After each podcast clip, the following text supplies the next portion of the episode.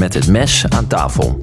De chirurgische podcast waar we een blik achter de schermen werpen bij de top van ons vakgebied. Welkom bij Met het Mes aan tafel, de chirurgische podcast met Tony Ruis, Lars Brouwers en Victor Alberts. Vandaag hebben we als gast dokter David Zimmerman en zullen we het hebben over perianale fistels. Maar eerst kort nog wat achtergrondinformatie met de bullet points. Bullet points. Victor, hoe zat het ook alweer? Hoe ontstaan fistels? Nou Tony, 90% van de fistels zijn cryptoglandulair. Die ontstaan dan vanuit klieren die zich in de uh, subepitheliale bindweefsellaag van het anale kanaal bevinden. En via een afvoergang uitmonden in de crypte van Morgagni ter hoogte van de linea dentata. Uh, verstopping van zo'n afvoergang kan dan leiden tot een intersphincterisch absces en dat kan weer leiden tot een perianale fistel. Eigenlijk zijn het dus verschillende stadia van dezelfde ziekte, waarbij het absces het eerste acute stadium is en de fistel het tweede stadium met chronische inflammatie. Ah ja, precies.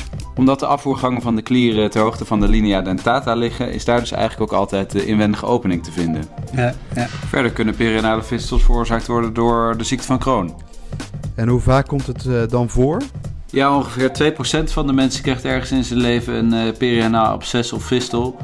Met name mannen, die krijgen het drie keer vaker dan, uh, dan vrouwen. En de piekincidentie die ligt ergens tussen de 20 en de 50 jaar. En hoe worden fistels uh, geclassificeerd, Victor? Die worden geclassificeerd volgens de Parks-classificatie die beschrijft dat er vier typen perianale fistels zijn. Namelijk inter, trans, supra en extrasphincterische fistels. Uh, dus eigenlijk worden ze geclassificeerd op basis van het verloop van de fistel ten opzichte van de externe sphincter. Um, ja, tegenwoordig wordt er meer onderscheid gemaakt tussen hoge en lage fistels, want dit is belangrijk voor de behandeling. En daarbij zijn lage fistels eigenlijk fistels die lopen door het onderste 1 derde deel van de externe sphincter.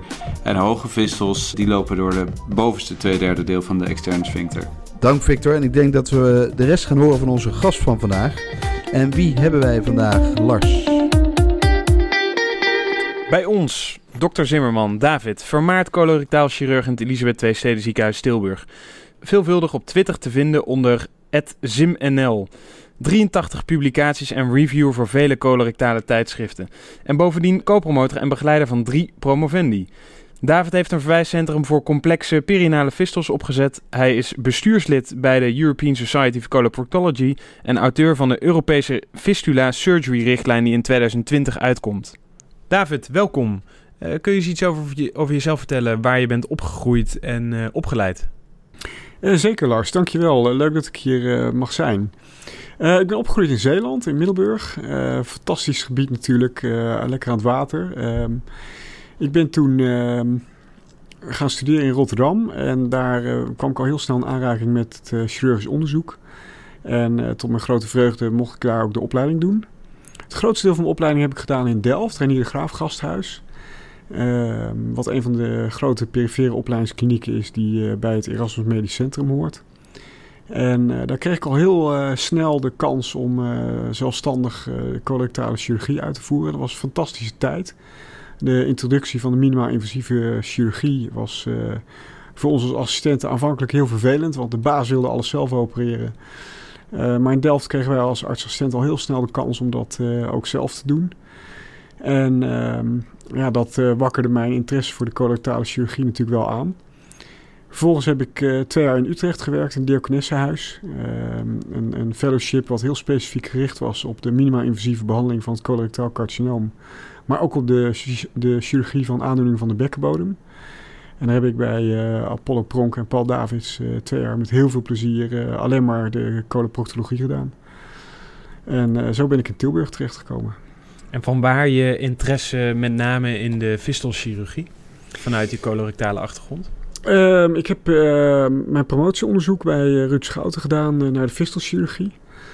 Ja, dat was een beetje wat op dat moment braakliggend terrein was, waar niemand in geïnteresseerd was. En wat dus voor een jonge student uh, heel makkelijk te doen was. En uh, ja, daar ben ik een beetje in blijven hangen, Lars.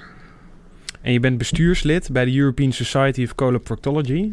Uh, waar, waarom? Uh, wat, wat is er nou eens belangrijk voor ons om te weten dat die vereniging bestaat? En waarom, wat, wat kunnen wij daar als AIOS halen?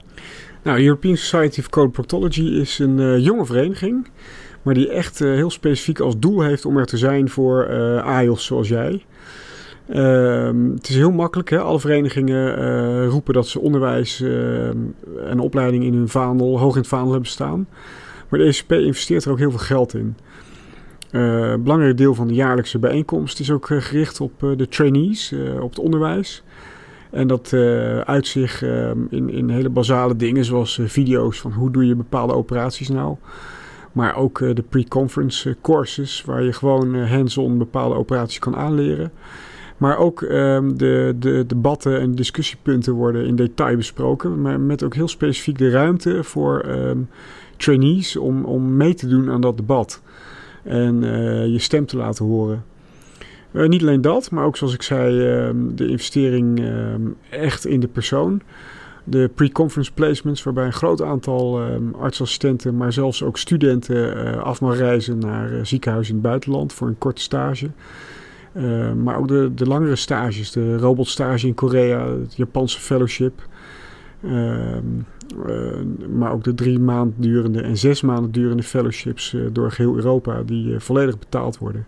Het is echt een fantastische vereniging en ik kan iedere jonge assistent en zelfs student aanraden om daar vroeg lid van te worden.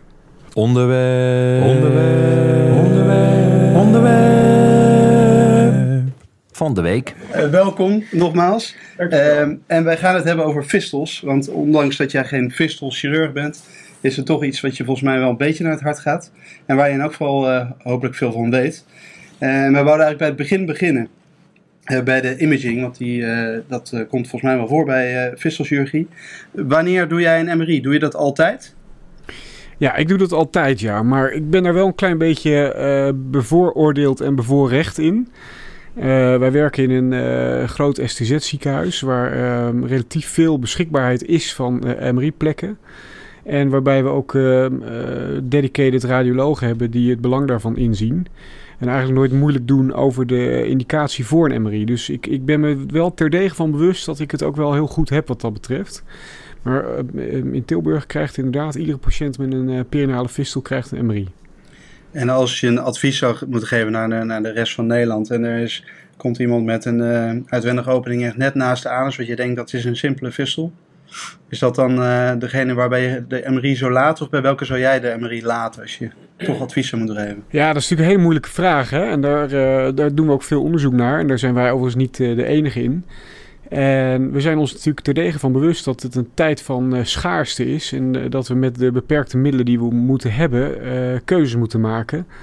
En vanuit dat oogpunt denk ik dat we er met z'n allen naar moeten zoeken bij welke patiënt nou wel die imaging is aangewezen, die, die, die beeldvorming, en bij welke niet. Die patiënt die jij schetst, met een opening echt vlak naast de anus, heeft natuurlijk op basis van anatomische kenmerken wel een hele grote kans dat hij een simpele fistel heeft, die goed te behandelen is met een fistulotomie. En ik denk dat als je nou bij een groep patiënten ervoor zou kunnen kiezen om die beeldvorming achterwege te laten, dat dat die groep is.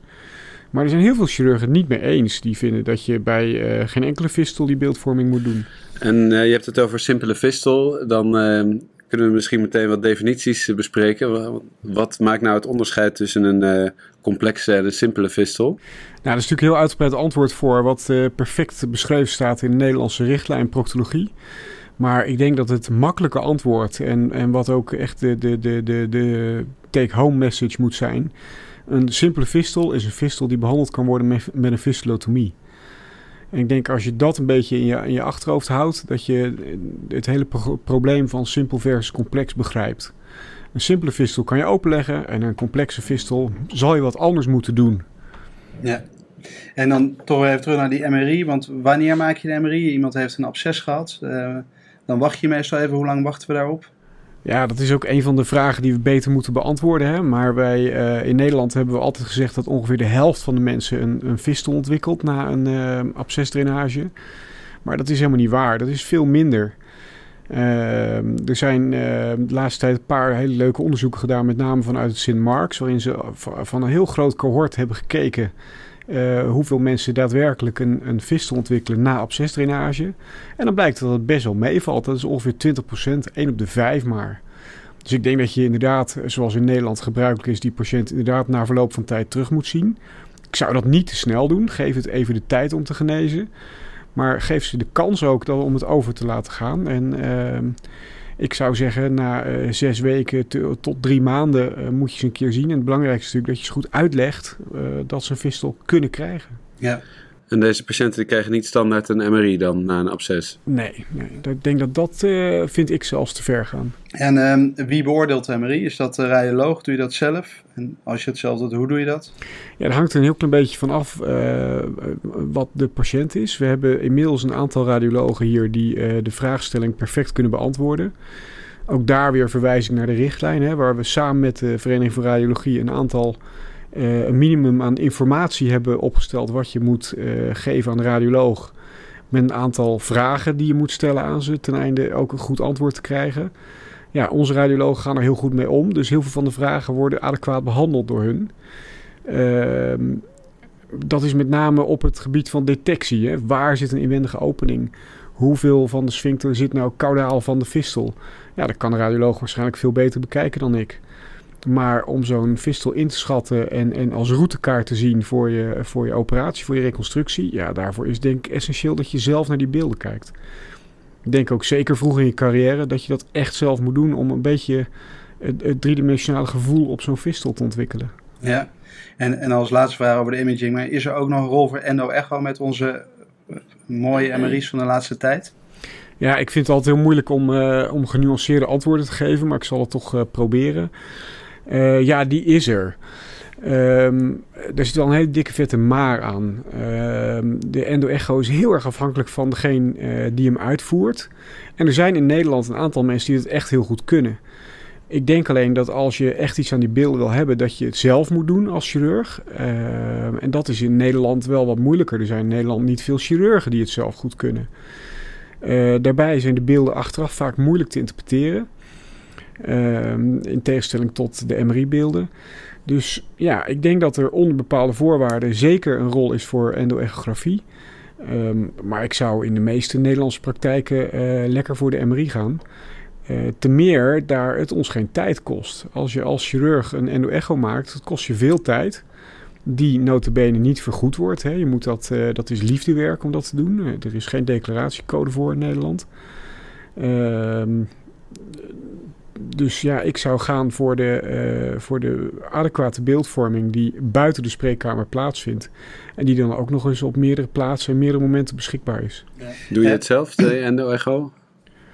Uh, ja, wij hebben beschikking over het apparaat. En ik doe het zelf, ben er zelf niet zo heel erg goed in. Uh, en nogmaals, voor ons is de MRI geen probleem. Dus ik zou altijd voor de MRI kiezen. Maar die enkele patiënt die uh, niet een MRI kan of wil, doen we endo-echo's. Ja, en je, ehm, je, je vertelde net, hè, we hadden het even over de definities van wat is nou een complexe fistel. Dat beantwoordde je eigenlijk ja, een beetje met bijna semantisch, van dat is de fistel die je klieft. Maar dat kan je ook andersom zien. Hè. De fistel die je klieft, dat is de niet-complexe fistel. Um, misschien kunnen we zeggen, wat is een hoge fistel? Wat is daar de definitie van? Ja, je, je slaat natuurlijk de spijker op de kop. Hè? In, in Nederland hebben we uh, min of meer met elkaar afgesproken dat we het onderste derde deel van de, van de externe anale sphincter aanhouden. Alle fistels die, die onder dat, uh, in dat onderste derde deel zitten, die vinden we dat we die open kunnen leggen. Maar daar is verrekt te weinig onderzoek naar gedaan. En eigenlijk het enige echt goede onderzoek wat er is, komt uit Spanje. De, een uh, groep die um, keurig bekeken heeft um, voor en na de operatie hoeveel sphincters daadwerkelijk kliefden gecorreleerd aan de continentie na de operatie van de patiënt. En dan blijkt dat je waarschijnlijk veel meer kan klieven. Maar ja, dat lijkt me, dat lijkt me nou geen goede take-home message. En ik denk dat die een derde voorlopig, totdat we daar meer uh, onderzoek naar hebben gedaan, uh, dat we die een derde met z'n allen maar eens even aan moeten houden. Daarbij uh, moet ook gezegd worden dat dat natuurlijk ook um, afhangt van de patiënt. Hè. Er zijn natuurlijk best met name mannelijke patiënten met een moeilijk behandelbare fistel die best een stuk uh, risico op functieverlies voor lief willen nemen om van de fistel af te geraken. En dan kan je zeker meer klieven als die patiënt dat maar begrijpt. Je hebt al eens gesproken over de fistulotomie en dan de sphincter repair. Um, zou dat, uh, die techniek pleiten voor meer klieven van fistels? Nou ja, het is in ieder geval niet meer zo dat we die techniek zomaar uh, uh, weg kunnen wuiven. Zoals we dat best wel lang hebben gedaan. Uh, er is echt veel onderzoek naar gedaan inmiddels. Weliswaar allemaal uh, uh, retro, retrospectief onderzoek of pseudo-prospectief onderzoek. Met maar beperkte continentiedata. Maar er zijn toch in Europa nu zo 600, 700 patiënten van beschreven. Met een hoog slagingspercentage, ruimschoots boven de 90 procent. Met een um, percentage verminderde continentie van uh, ja, wat vergelijkbaar is wat wij zien bij de normale fistulotomie van lage fistels. Dus dat zijn toch wel indrukwekkende getallen. Zeker voor patiënten met heel hoog verlopende, moeilijk behandelbare fistels. Staat tegenover dat we geen lange termijnsgegevens hebben. En dat we, uh, ja, zeker de oudere colorectaal chirurgen onder ons, die zelf nog sphincterplastieken hebben gedaan en de effecten daarvan hebben gezien, uh, die weten dat het effect van een sphincterplastiek op korte termijn bijna altijd heel goed is. Maar alle series, een enkele uitzondering daar gelaten, hebben op lange termijn daar veel minder goede resultaten van beschreven. En het is helemaal niet ondenkbaar dat die, die, de, de FIPS, hè, de fistulotomie met primary sphincter repair, uh, op lange termijn veel slechte functionele, functionele resultaten zal laten zien. Ik denk dat we daar allemaal voor op ons hoede moeten zijn. Dus ik zou dat uh, voorlopig uh, zeker niet aanbevelen als een routine ingreep. En de ceton, wanneer is, dat, is daar de indicatie voor? Uh, ja, dat is, het is een ongelooflijk moeilijke vraag. Want de ceton is een soort van reflexhandeling, ook hier in Nederland. Waarbij heel veel chirurgen een patiënt onderzoeken op de operatiekamer en dan maar een ceton geven. Want dat doen we immers altijd. En dat is in ieder geval een hele slechte reden. Ik denk best dat er een aantal hele goede redenen zijn om cetons aan te brengen.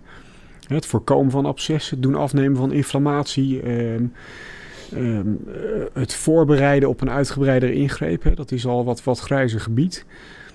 Um, ik denk niet dat er een eenduidig antwoord is op je vraag. Ik denk dat we wel in Nederland in ieder geval veel te veel cetons aanbrengen. En als ik in mag springen op je vraag over cetons, is denk ik misschien wel de allerbelangrijkste boodschap. Als we een ceton aanbrengen, maak hem dan comfortabel voor de patiënt. Want ik denk dat heel groot deel van de lijdenslast die patiënten hebben van hun fistel niet komt door de perinale fistel, maar door onze therapie en met name door het aanbrengen van oncomfortabele cetons. En hoe doe je dat, een comfortabele ceton maken? Heb je daar tips voor? Nou ja, er zijn een aantal uh, commerciële alternatieven beschikbaar. Hè? Uh, de Comfort Drain en de Superceton. Die uh, qua draagcomfort waarschijnlijk vergelijkbaar zijn, maar allebei vrij duur. Maar ja, dat is natuurlijk helemaal niet de enige methode. met name wat we heel veel zien, wat in de, in de Nederlandse chirurgische school veel gebruikt wordt, is een vesselloop met een groot aantal knopen erin. als die er maar niet uitvalt, dan vinden we het goed. Maar die knopen zijn juist heel irritant tussen de billen. En er zijn natuurlijk een, een, aantal manieren te bedenken waarop er een, um, zo'nzelfde vesselloop bevestigd kan worden, zonder dat hij aan zichzelf geknoopt kan worden. Uh, en zonder het gebruik van monofilamenten draden, waarvan die uiteindjes ook heel irritant kunnen zijn voor de perinale huid. Dus ik wil niet zeggen dat er een manier is die de beste is. Laat staan mijn manier. Maar ik denk dat er heel veel manieren te bedenken zijn waarbij de patiënt geen last heeft van de ceton.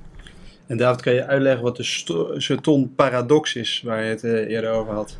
Uh, ja, dat, dat, dat is best een, uh, een grappig concept. Namelijk, uh, als je naar de literatuur kijkt, dan doen patiënten die een complexe operatie aangeboden krijgen, dus een mucosa verschuivingsplastiek of een lift of uh, dergelijke ingrepen, die doen het eigenlijk niet beter als ze eerst behandeld zijn met een ceton, uh, dan als ze dat niet zijn. Maar ja, ook hier weer zijn natuurlijk allemaal retrospectieve series. Dus het zou best eens kunnen dat juist die patiënten een ceton hebben gekregen die complexere fistels hadden, die ongedraineerde collecties hadden, die meerdere openingen aan de buitenkant hadden. Uh, dergelijke zaken. En dus dan een, een moeilijker te behandelen groep die ze ton heeft gekregen. Maar desondanks toch dezelfde resultaten haalt bij een mucosa verschuivingsplastiek als de patiëntgroep die niet voorbehandeld zijn. Dus die potentieel eenvoudigere fistels had. Ik denk dat dat een paradoxaal effect is. Waardoor op het eerste gezicht lijkt alsof die ceton niks doet. Maar het best mogelijk is dat die ceton best wel wat gedaan heeft. En dat die ceton ervoor gezorgd heeft dat vergelijkbare resultaten behaald worden. Eigenlijk pure selectie, met andere woorden. Ja. Gewoon een selectiebias die, eh, die, die je ja. ziet in de, in de studies. Maar ceton-paradox klinkt mooier. Klinkt een stuk mooier. En dan als laatste, maar daar kunnen we heel kort over zijn, de cutting ceton. Dat doen we niet. Nee, dat is heel leuk. Er is in, in uh, de verschillende Europese landen, uh, st sterker nog, ook verder buiten, proberen we richtlijnen te schrijven hierover. En die richtlijnen die verschillen echt op vrijwel alle vlakken van elkaar. Niemand is het met elkaar eens. Iedereen ligt over de vloer te rollen wat nou de beste behandeling is voor perinale fistels. Maar er is eigenlijk maar één ding waar alle internationale richtlijnen, de Duitse, de Nederlandse, de Amerikaanse, de Britse, uh, het over eens zijn. Dat is dat de cuttingseton echt tot het verleden behoort. Dat moeten we echt niet meer doen. Een de resultaten van de cuttingseton zijn volledig vergelijkbaar van de resultaten van een fistulotomie. En het kan best zijn, zoals ik net ook al zei, dat je bij een hoger gelegen fistel in goed overleg met de patiënt kiest om hem open te leggen. Maar doe het dan op een gecontroleerde manier op de operatiekamer, zodat de patiënt er zo min mogelijk pijn van heeft. Niet op een ongecontroleerde manier, langdurig, gedurende enkele weken tot maanden, waarbij die patiënt al die tijd veel pijn en ellende ervan heeft. En wat, uh, wat is dan wel de gouden standaard bij een complexe fistel? Wat moeten we nou altijd doen? Beeldvorming. En als behandeling? Ehm, nou, die is er natuurlijk niet. Hè? Je kan alleen uh, de gouden standaard, uh, denk ik, alleen echt goed definiëren als er, als er goed prospectief vergelijkend onderzoek is. En dat is er in de fistelchirurgie niet of nauwelijks. Ik denk dat de transnale mucosa verschuivingsplastiek op dit moment beschouwd moet worden als de gouden standaard voor de behandeling van complexe fistels. Simpelweg omdat die het langst uh, beschreven wordt. Um, en omdat er de meeste gegevens over zijn en ook relatief wel wat prospectieve gegevens over zijn. En uh, die gegevens zijn relatief eenduidig en ook al hele lange tijd uh, eenduidig. Dus daarom zou ik uh, de transnale mucosa verschuivingsplastiek willen beschouwen als de gouden standaard. En de goede nummer twee, wat is de rol van de, van de lift? Ja, dat weten we niet helemaal precies. Hè? Als je er alle gegevens op een hoop gooit, dan lijkt die lift niet zo heel veel slechter te zijn dan de mucosa verschuivingsplastiek. Um, sterker nog, in een, in een, hele fraaie systematische review um, uit de AMC uh, concluderen ze dat ook. Hè, dat er zo op het eerste gezicht niet echt verschillen zijn. Er is nooit echt goed gerandomiseerd onderzoek uh, gedaan tussen die twee technieken. Ik weet ook niet helemaal zeker of het indicatiegebied echt hetzelfde is. Wat wel interessant is, is dat er nu um, recent vanuit Nederland tweetal studies verschenen zijn de afgelopen maanden. Eén uit de Proctorkliniek in Beeldhoven en één uit ons eigen ziekenhuis hier in Tilburg. Die allebei specifiek hebben gekeken naar de lift bij hoogverlopende uh, transfecterische fistels. Daarbij blijkt dat hij het echt daar wel minder goed lijkt te doen. Uh, dat is eigenlijk nooit eerder beschreven. Behalve als je kritisch kijkt naar de eerste series van uh, Roy Kool, de uitvinder van de lift. Die doet eigenlijk bij hoogverlopende transfecterische fistels ook niet zo vaak een lift. En die vindt daar ook een veel lager percentage genezing. Dus ik denk dat het best zou, zo zou kunnen zijn dat we in de toekomst voor die echt hoogverlopende transfecterische fistels niet meer kiezen voor de lift. Wij hebben die stap hier al gezet. Zou een beetje voorbarig kunnen zijn, dat, dat, dat moet blijken. Uh, maar zeker bij laagverlopende transfecterische fistels heeft de lift wel een aantal voordelen. Maar die zou je toch eventueel kunnen cleaven? Ja, maar bijvoorbeeld bij een vrouw aan de voorzijde zou ik dat zeker niet adviseren. Dan is de lift denk ik een heel goed alternatief waarbij de patiënt um, echt wel minder en minder lang last heeft van de operatie. Ook ietsje minder kans op succes, denk ik. Maar goed, die afweging is natuurlijk wel uh, te maken. En heeft het nog een, uh, uh, is dit nog anders bij patiënten met Crohn? Deze behandelingsopties? Ja, zeker. Ik ben blij dat je dat vraagt. Want ik zou het heel erg vinden als de uh, algemeenheden die ik uh, uitspreek ook uh, beschouwd worden als geldend voor de ziekte van Crohn. En dit is echt een totaal andere aandoening. zoals de Britten dat zo mooi kunnen zeggen, totally different beast. En ik denk dat je daar echt geen generalisaties op, op kan trekken. Dat is echt een totaal andere aandoening, waar, waar de onderzoekingen die er op dit moment plaatsvinden ook zich in een hele andere richting afspelen. En um, ik denk dat de ceton bij de ziekte van Crohn een veel belangrijkere rol speelt. En dat wij, um, als wij Crohnse vissels goed kunnen palliëren, dat we het dan al vrij goed doen. Hm. En zou je zeggen eigenlijk nooit doen, dus een, een, een lift of een flap? Of, um, of alleen in uitzonderlijke gevallen? Nee, ik denk alleen uitzonderlijke gevallen. Zeker ook als we naar de resultaten van de, uh, de PISA-trial kijken. Dat een, een heel moeizaam onderzoek was omdat de inclusie buitengewoon moeilijk verliep. Uh, maar toch door de, uh, de, de standvastigheid van de Amsterdamse groep. toch, is, tot een goed einde is gebracht. Die suggereert ook dat we waarschijnlijk te weinig doen. Alleen we zijn er gewoon nog niet zo goed uit. Ik denk dat we ehm, uiteindelijk wel meer zullen opereren, maar beter zullen leren te selecteren. En zover zijn we wat mij betreft nog niet. En een stoma, is dat uh, soms een optie? Um, ja, dat is natuurlijk een hele, alge, hele algemene vraag. Nee, ik denk dat, dat we echt een, een hele, hele, hele hoge drempel moeten hebben. Zeker bij patiënten met gewone cryptoglandulaire fistels om een stoma aan te leggen. Doet namelijk niks aan, uh, aan de fistel. De fistel gaat er niet van over. Um, en veruit de meeste mensen hebben relatief weinig klachten. Zeker als ze een goede seton hebben. Waarbij de uh, morbiditeit van, de, van het aanleggen en van het hebben van het stoma daar ja, zelden tegen opweegt. Er is natuurlijk een hele kleine groep patiënten die uh, aanhoudend uh, infectieuze problemen heeft, hè, herhaaldelijk abscessen. Ja, ik zou me nog kunnen voorstellen dat, dat daar misschien een stoma een rol speelt, maar dat is een hele uitzonderlijke groep. Patiënten met de ziekte van Crohn is natuurlijk ook hier weer een heel ander verhaal. En er waren nog een uh, paar technieken langs. Kan je misschien kort even beschrijven van is het wat? Gaan we het gebruiken of gaan we het in de toekomst zien? De VAAFT, ja, de Vaafd spreekt natuurlijk uh, met name mannen aan, hè, omdat het een, een gimmick is. Waar staat het uh, precies voor? Vaafd is uh, Video Assisted Fistula Treatment. Video Assisted Anal Fistula Treatment. Ehm, waarbij een hele kleine fistuloscoop um, in de fistel gebracht wordt. En dan kan je binnen in de fistel kijken en dan door de scope heen ook coaguleren. En op die manier van binnenuit een nettoyage van het fisteltraject doen. Um, de precieze rol um, voor de toekomst weet ik niet. Maar ik denk wel dat we ons heel goed moet, moeten realiseren dat het een, ja, een diagnostisch hulpmiddel is en geen therapeutisch hulpmiddel. Je zal altijd bij een vaafd iets moeten doen om de inwendige opening van de fistel te sluiten. Dat doet de vaafd niet. Dus ik denk niet dat we de vaafd moeten zien als een therapie. En dan de, de laser? Doet het iets? Uh, ik, ik denk het niet. Permacol? Uh, weinig, denk ik. Ook weinig.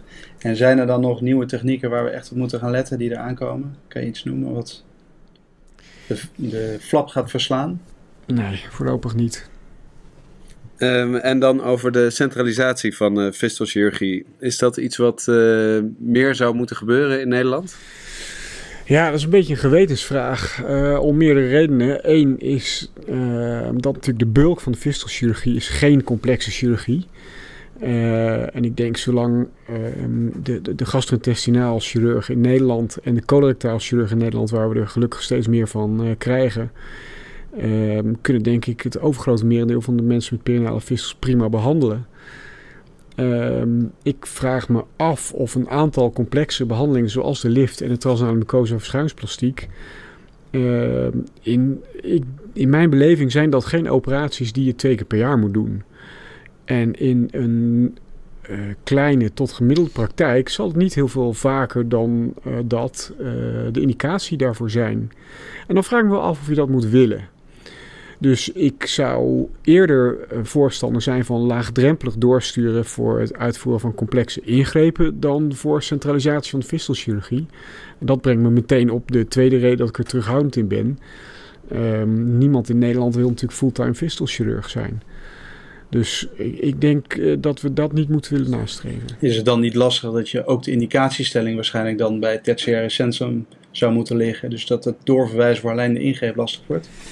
Uh, ja, dat is een hele terechte vraag van je. Dat, dat, dat weet ik niet goed. Uh, ik, ik, vind het zelf niet zo moeilijk. En ik merk dat heel veel uh, chirurgen in Nederland het ook niet zo moeilijk vinden.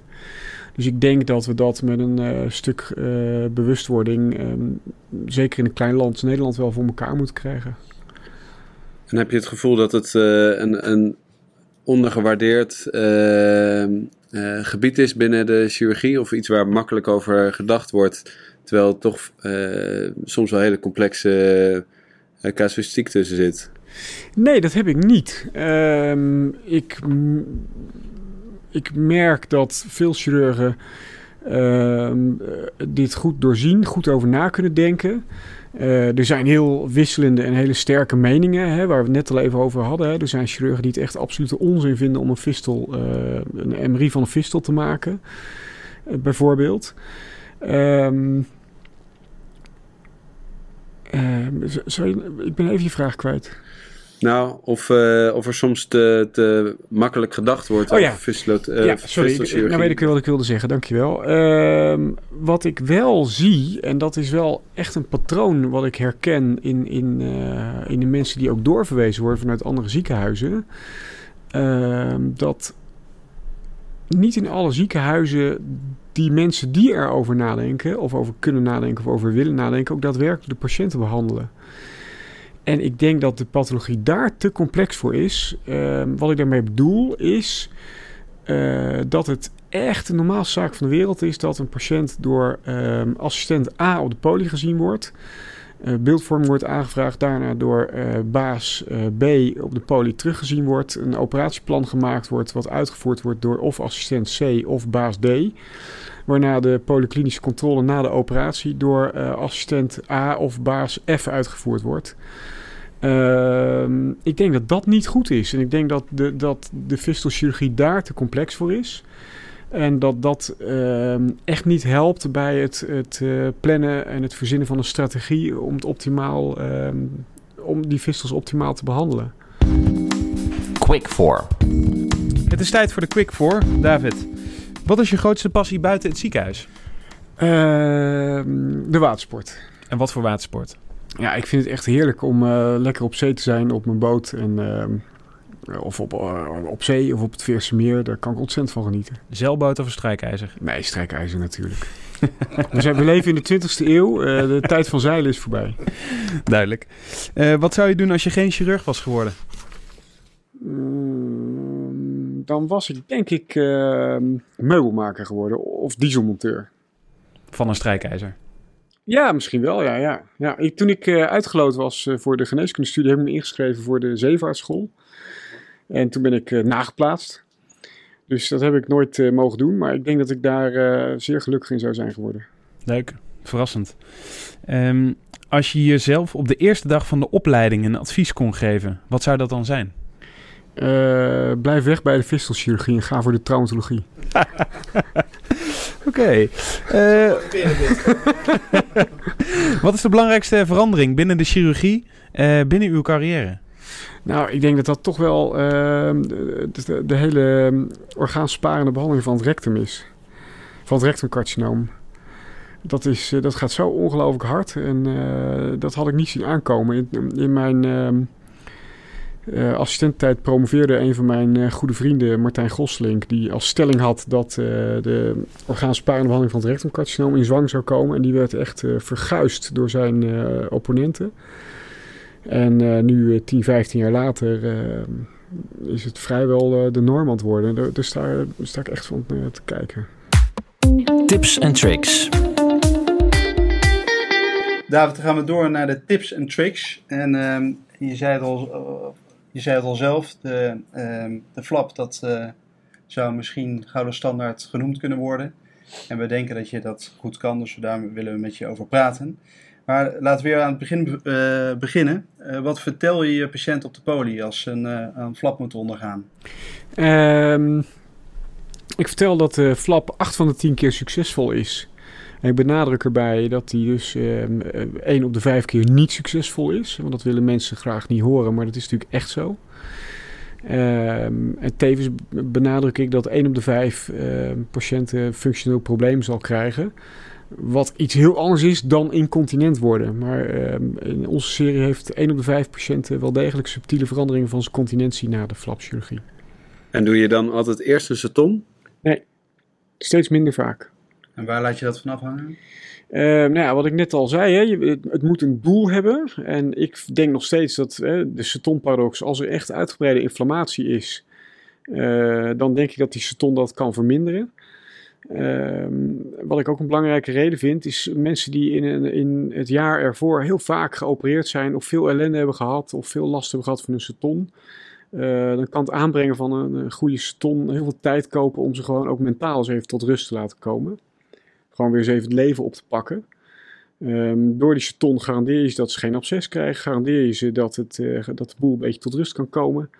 Ehm, en ik denk dat de, ja, de, met name de mentale voorbereiding daar misschien nog wel het belangrijkste is uh, alvorens een uh, mucose te ondergaan. Ja. En hoe doe je dan de flap? Kan je, daar, kan je dat een beetje beschrijven? Ja, ik kies uh, heel laagdrempelig voor een hele dikke flap. Het is vrij netjes onderzocht door de groep in Valencia in Spanje dat hoe dikker de flap, hoe groter de kans van slagen is. En hoe groter ook de impact op de continentie. En hoe dik is dan dik? Uh, ja, dat is, dat is leuk dat je dat vraagt. Want iedereen weet dat in zijn artikel altijd precies te omschrijven. Maar ik heb nooit echt een idee hoe dik en welke laag ik nou meeneem. Ik denk dat ik um, tot in de circulaire spierlaag van het rectum ga.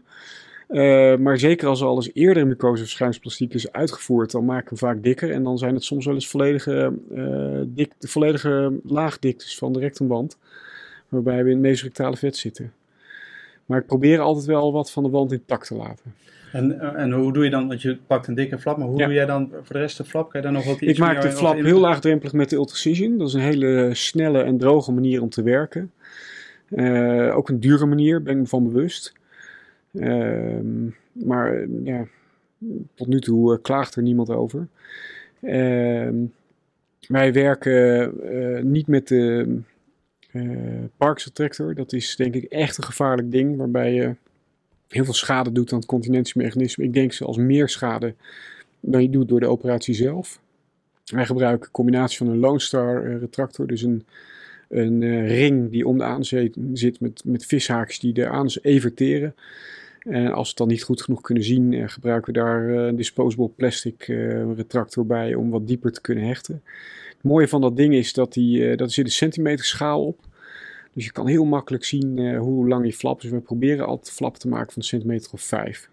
En het externe opening, wat doe je daarmee? Uh, die, uh, wij doen een core-out fistulectomie tot aan of tot in de intersphincterische ruimte. Is dat essentieel, denk je?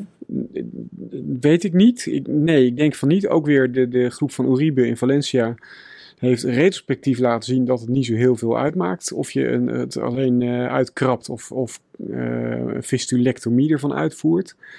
Maar ja, er zit natuurlijk ook een heel grote uh, selectie bias in. Want als het een heel rustig, lief klein fistelkanaaltje is, ben je eerder geneigd om te uitkrabben. En als het meer dan dat is, denk ik dat de meeste chirurgen toch wel een core-out zouden doen. Maar ik doe altijd een core-out. Je doet het standaard, ja. ja. En de nabehandeling, hoe ziet die eruit? Um, ja, ik probeer toch patiënten wat rust te laten nemen. Ik ben uh, opgeleid door Ruud Schouten, de, de uh, onbetwiste vistelkoning van uh, Nederland en misschien wel van de wereld. En die nam patiënten ehm, vijf dagen op, gaf ze vijf dagen antibiotica, vijf dagen bedrust en vijf dagen niks per os.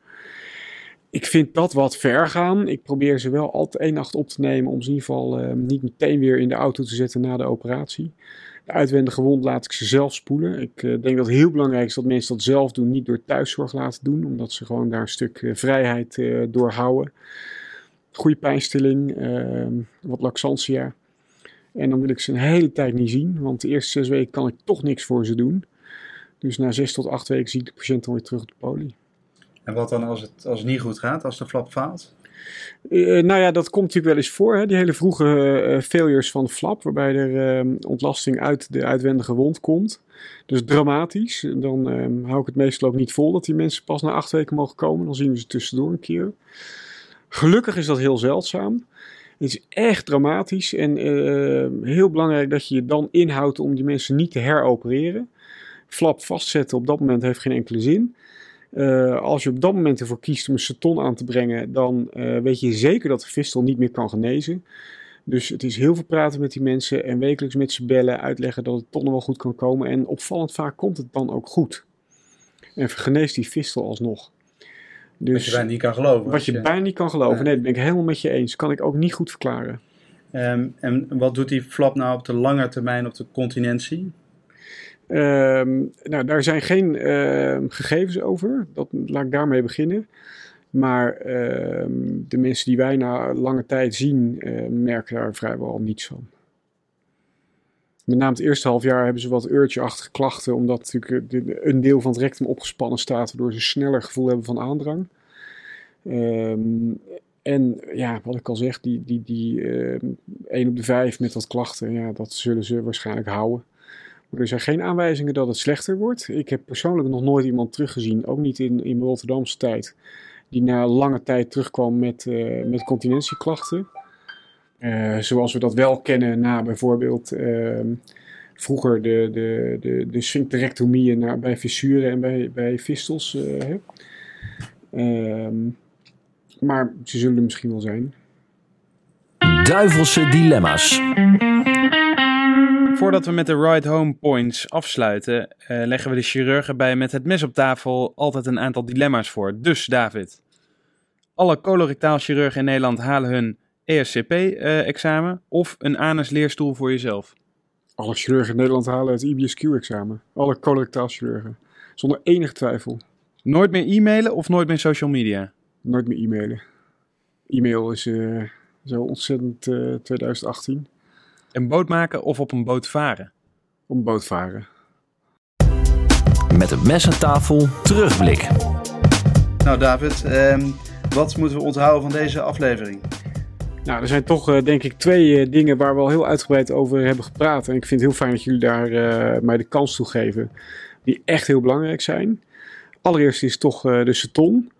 Um, ik vind het prima als je een seton aan wil leggen, maar doe dat dan niet omdat het moet van je baas of omdat we dat altijd doen, maar doe het met een plan, doe het met een reden.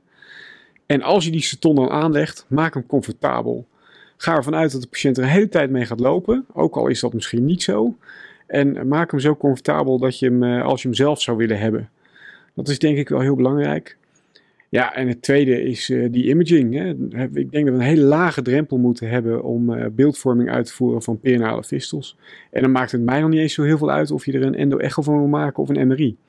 Als je maar goed kan. Dit was Met het Mes aan tafel. Deze podcast wordt mede mogelijk gemaakt door Johnson Johnson. Dank voor het luisteren en tot de volgende uitzending.